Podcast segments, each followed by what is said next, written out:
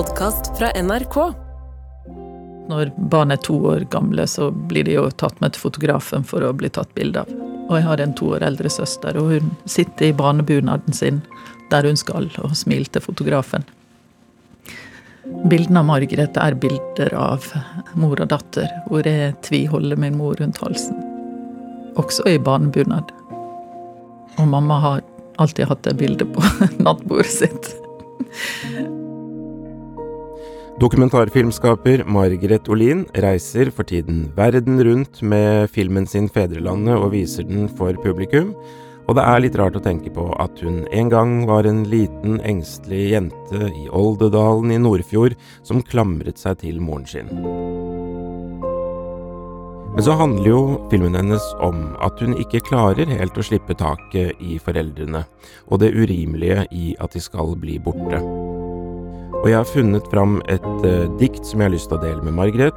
Hun vet ikke hva jeg har funnet til henne, men jeg håper at diktet er en måte for oss å reise sammen tilbake til hennes barndomsbygd.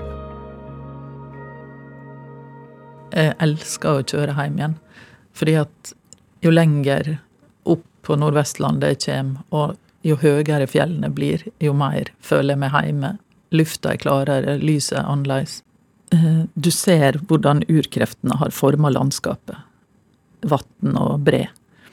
Gravd ut fjordlandskap på Vestlandet.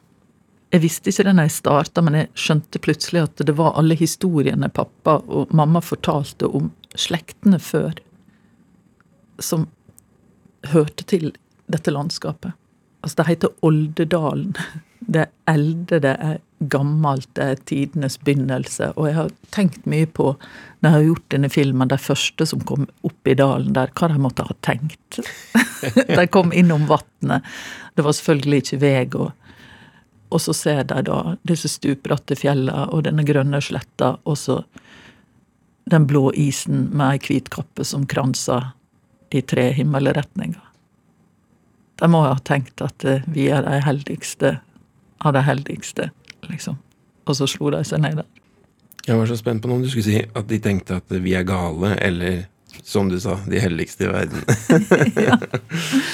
um, jeg valgte et dikt til deg fordi filmen din 'Fedrelandet' da tar oss alle med tilbake til ditt barndomsrike. Det er jo så vakkert og så overveldende, og sikkert for et utenlandsk publikum ganske eksotisk, eh, vil jeg tro. Har du fått noen respons på det? Å ja. Å oh, ja når jeg viser filmen ute, så spør jeg om det er mange som har vært i Norge. Og så er det alltid noen som rekker opp hånda. Og så etter filmen så spør jeg hvor mange skal til Norge? Og det er jo alle. jeg har valgt et dikt av Helge Torvund. Eh, han holder til på Jæren. Eh, han har gitt ut en bok på et lite forlag som heter Til mor. Og dette diktet heter eh, Alltid menneske. Og det handler kanskje om moren, eller det handler kanskje om foreldrene, og han tar oss også med tilbake til et barndomsrike, så jeg syns dette passet ganske bra. Er det, da leser jeg det for deg. Mm. I episoden med Jon Fosse så ble det så høytidelig og så bra da du skulle lese Jon Fosse i, i to versjoner, så jeg har litt prestasjonsangst nå, det, og det er jo på nynorsk, så du får bare tilgi meg absolutt alt, Margrethe. Deg var alltid menneske for oss. Var alltid der når vi svinga sultne og slitne innom kjøkkenet, fra våre uendelige ekspedisjoner i det uutforska landet som hette Ute. Når vi hadde skåret oss i fingeren og kanskje måtte sy nokre sting hjå doktoren, når vi trong trøyst og var leie, heldt dei kring vår uro i haustkveldene. Når leksene var lange og vrange, og når vi kjente oss aleine inne i altfor store rom, med stjernehimler og skumle tøffinger fra høyere klassetrinn, når vi var rastlause og iltre, eller ensomme og stille, de var alltid der, nett der de skulle være.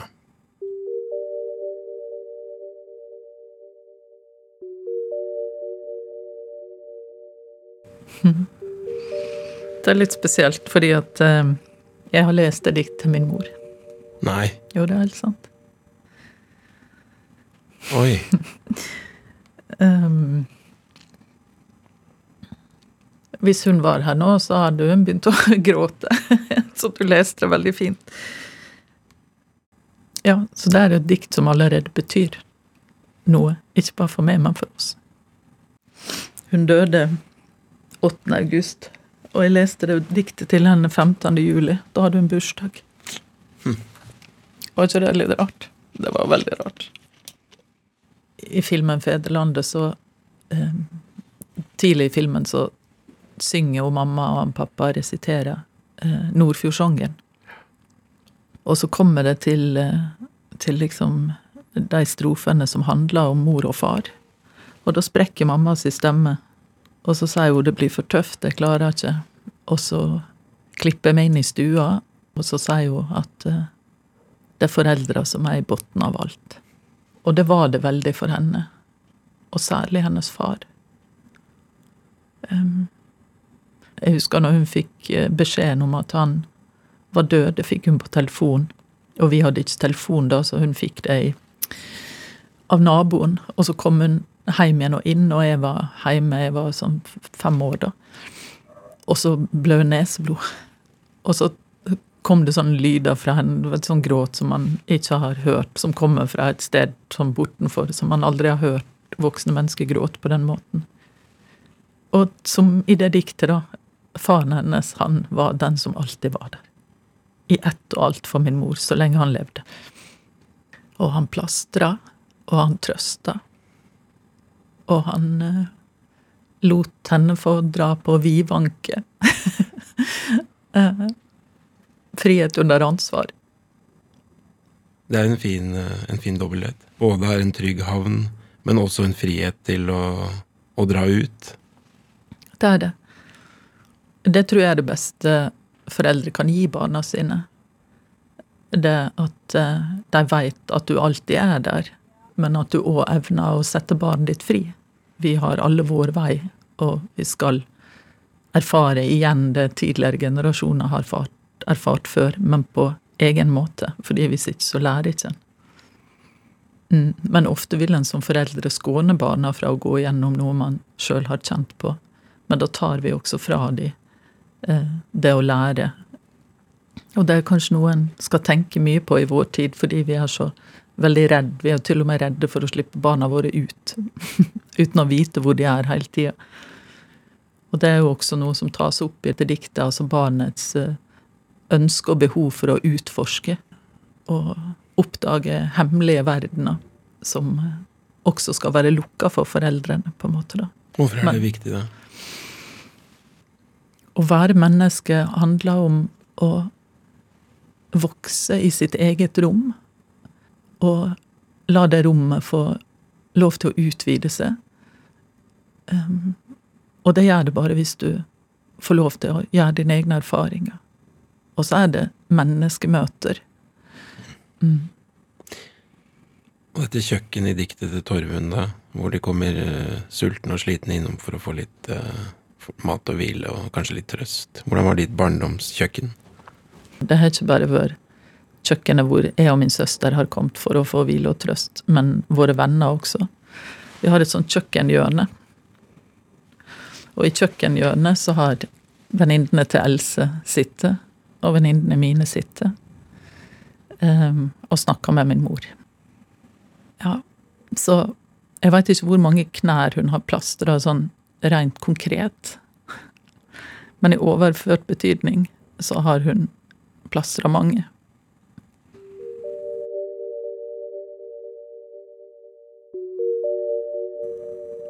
Har tenkt noen ganger at det kanskje ikke var så enkelt å være min mamma.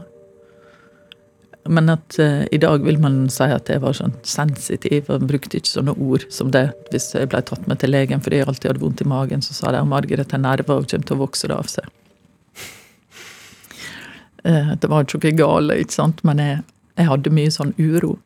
Og det kunne være sånne ting som at eh, hvis jeg opplevde urettferdighet, eller at jeg så noe på TV som jeg syntes var vanskelig eller opprivende, eller sånn, mm, så fikk jeg ikke sove, eller at jeg gikk inn på rommet mitt og gråt, og jeg skjønte ikke hvorfor de voksne ikke Hvordan mormor kunne sitte og strikke, og mamma kunne At de kunne bare snakke om dagligdags ting uten å gjøre noe med det som var galt, da. Jeg forsto Jeg forsto ikke det.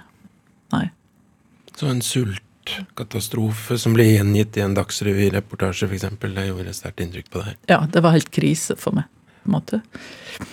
Jeg levde ikke sterkt. Jeg opplevde sterkt, skrev Marie Takvam. Jeg føler at jeg har levd sterkt også, så det er dobbelt opp. jeg har levd sterkt, men jeg har jaggu opplevd sterkere enn jeg har levd, jeg òg. I Torvund-diktet så står ordet ute i en slags anførselstegn. Det er et stort, uutforsket land. Hvis du tenker på din barndomsegn, hva, hva ser du for deg når du tenker på ute? Da må du se Fedreland en gang til. Det er ute. Det er den mest ute er et dramatisk landskap. Det er et farlig landskap. Det går snøskred og steinsprang. Det er et eh, landskap som de voksne i generasjoner har både foreldre og besteforeldre, tante og onkler, som de har respekt for, som de snakker om hele tida. Man må ta hensyn til været, hva slags vær det blir. Det er ingen plass i verden at folk lever så tett på isbre som i Oldedal. Så ute for meg var eh, en følelse av å ha selskap. At i naturen så er ikke en aleine. Så det er ute for meg. Det er det mektige. Det levende.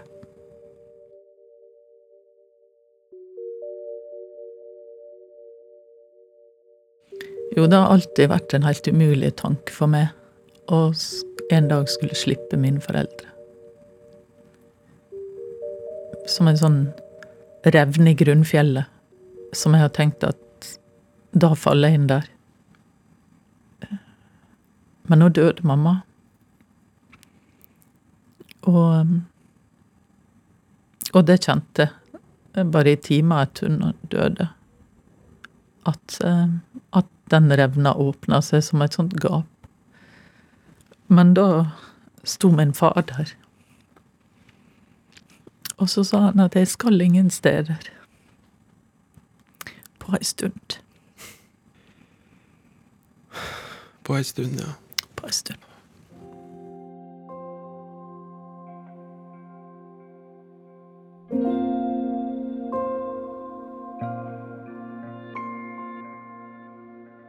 Margrethe Olin, jeg la jo ut på en slags reise jeg da, for å finne et dikt til deg som kunne ta inn over seg noe av dette som det handler om i filmen din om barndommens rike. Og så viste det seg utrolig nok at eh, jeg fant fram til et dikt som du hadde lest til din egen mor før hun døde.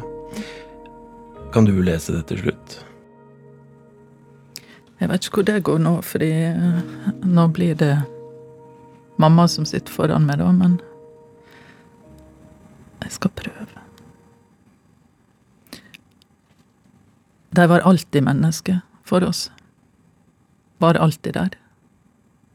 Når vi svinga sultne og slitne innom kjøkkenet fra våre uendelige ekspedisjoner i det uutforska landet som hette Ute. Når vi hadde skåret oss i fingeren og kanskje måtte sy noe sting hjå doktoren.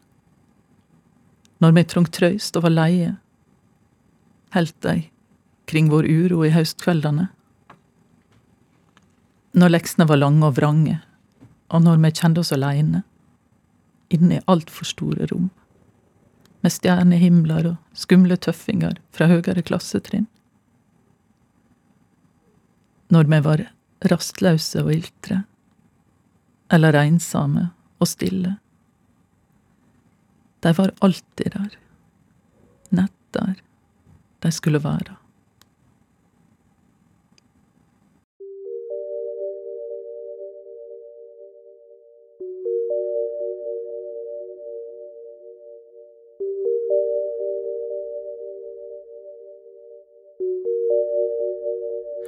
Del gjerne denne episoden av Brenner deler dikt videre med en venn. Det gjør du meget enkelt i NRK radioappen. Der kan du også trykke stjerne, sånn at du følger oss og aldri går glipp av en eneste episode. Denne episoden av Brenner deler dikt er laget av meg, Hans Olav Brenner, Nina Kammersten og prosjektleder Janne Kjellberg. Redaksjonssjef Helle Vågland. Galileo Galilei er en av fedrene til den moderne vitenskapen. Han oppdaga jordas plass i universet og snudde opp ned på gamle overbevisninger. Men for det ble han brakt til taushet av sannhetens hardnakka fiender. Hør historiske kjendiser med meg, Alexandra Gjerpen.